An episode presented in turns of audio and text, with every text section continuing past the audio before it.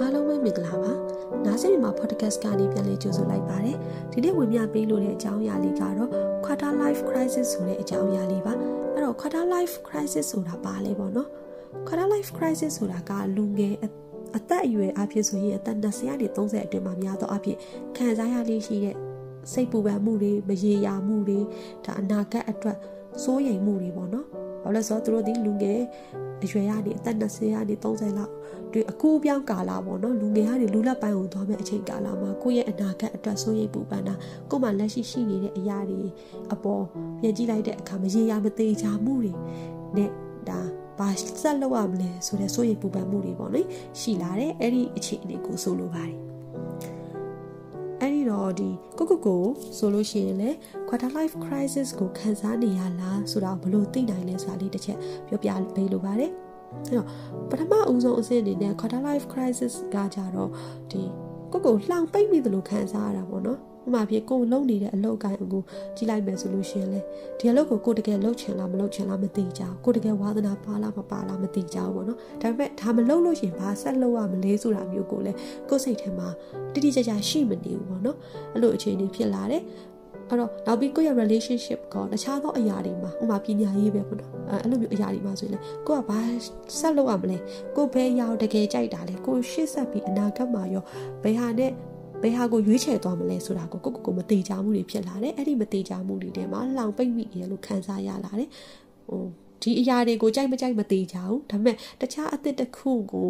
ကိုရွေးချယ်ခြင်းလားဆိုတာလည်းမသေးချဘူးဘလို့မျိုးဆက်ပြီးတော့ဒါရွေးချယ်သွားရမလဲဘယ်အရာကိုရွေးချယ်တင်လဲဘလို့ရွေးချယ်ရမလဲအဲ့ဒီကိုရွေးချယ်လိုက်မဲ့အရာကရောဟိုကိုပေါ့ကောင်းမှမလားဆိုရပြီးတော့အတွေးတွေများနေတာပေါ့နော်လက်ရှိရှိတာကိုလည်းမကျင်တဲ့နောက်တက်ရမယ့်ဥစ္စာကိုလည်း ရယူဖို့ကိုကိုကိုယုံကြည်မှုကလည်းတိတ်မရှိသေးတဲ့အခြေအနေပေါ့နော်ဒီလိုမျိုးတွေခံစားလာရပါတယ်ဒုတိယအဆင့်အနေနဲ့ကြတော့ဟိုတဖြည်းဖြည်းကိုအရင်လုပ်နေကြအရာတွေကိုအရင်ခင်နေတဲ့လူတွေနဲ့ဝေးကွာလာတဲ့အဆင့်ပေါ့နော်ဟိုကိုငကိုကကြိုက်နေကြအရာကိုငကိုကလုပ်နေတဲ့အလုပ်ပဲဖြစ်ဖြစ်ကိုငကိုသင်ယူနေကြပညာရေးပဲဖြစ်ဖြစ်ကိုပေါင်းနေကြတငယ်ချင်းတွေပဲဖြစ်ဖြစ်ပေါ့နော် တခါတည်းမှာကိုလုပ်နေကြအမှုအကျင့်တော့မှာကိုမလုပ်ချင်တော့တာမကြိုက်တော့တာမှားနေတယ်လို့ထင်လာတာသဘောမကျတော့တာအဲ့လိုမျိုးဖြစ်လာပြီးတော့ကိုကအရင်တော့ခင်ခဲ့တဲ့လူတွေအရင်တော့လုပ်ခဲ့တဲ့အရာတွေနဲ့တဖြည်းဖြည်းဝေးကွာလာပြီးတော့လုံးလိဖြစ်လာတယ်များသောအားဖြင့်တယောက်တည်းပဲနေခြင်းတော့တယ်ကို့အတွေ့အကြုံနဲ့ကိုတယောက်တည်းဖြစ်လာတယ်ပေါ့နော်အဲ့လိုမျိုးဖြစ်တတ်တယ်အဲ့တော့အဲ့အစစ်နှစ်စစ်ပြီးသွားရင်တော့များသောအားဖြင့်ကအကောင်းဘက်ဦးတည်လာပါတယ်။ဘာလဲဆိုတော့ကိုကိုကိုပြန်သုံးသပ်လာတယ်ပေါ့နော်။ ငါရင်တော့ငါဒါတွေလုပ်ခဲ့တယ်ငါအခုလုပ်နေတာတဲ့ဒါတွေအဲ့တော့ငါတကယ်ဒါကိုသဘောကျရဲ့လားဒီရပါမှပြောရဲ့လားဒါဒီငါဘဝအောင်မြင်မှုပေးနိုင်ရဲ့လားငါရှေ့ဆက်ပြီးတော့ဘလို့ຢာတွေဆက်လုပ်ချင်လဲဘလို့မျိုးဆိုရင်ဘလို့မျိုးလုပ်ရင်ငါအတွက်အကောင်းဆုံးဖြစ်မလဲစသဖြင့်ကိုကိုကိုပြန်ပြီးတော့ သုံးသက်လာတယ်ကိုယ်စိတ်ထဲမှာကိုယ့်အကိုကိုယ်သဘောထားကိုသုံးသက်လာတယ်ပြီးတော့လမ်းကြောင်းတွေကိုလည်းကိုစိတ်ထဲမှာစူးစမ်းရှာဖွေလာတယ်ဒီမတိကြတဲ့အရာတွေကနေတိကြအောင်ဘလို့ဆက်လုပ်ရမလဲဆိုတဲ့ဟာကိုကိုကိုကိုစဉ်းစားသုံးသက်လာတယ်ပေါ့နော်အဲ့ဒီအဆင့်ကိုရောက်လာတယ်နောက်ဆုံးနံပါတ်၄အချက်မှာကြားလို့ရှိရင်တော့ကိုကိုကိုပို့နာလေလာတယ်။ဘာလို့ဆိုတော့ခုနကလိုခန်းစားချက်တွေလည်းခန်းစားပြီးသွားပြီ။အဲသုံးသက်ချက်တွေလည်းကိုလုပ်ပြီးသွားတဲ့အခါမှာကိုကိုကိုပို့နာလေလာတယ်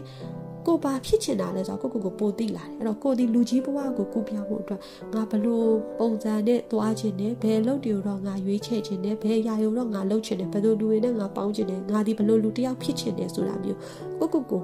နားလေလာတယ်ပေါ့နော်အဲ့ဒီအခါမှာဘဝကြီးကိုကိုကပို့ပြီးတော့အကောင်းဘက်နဲ့မြေတက်လာပြီးတော့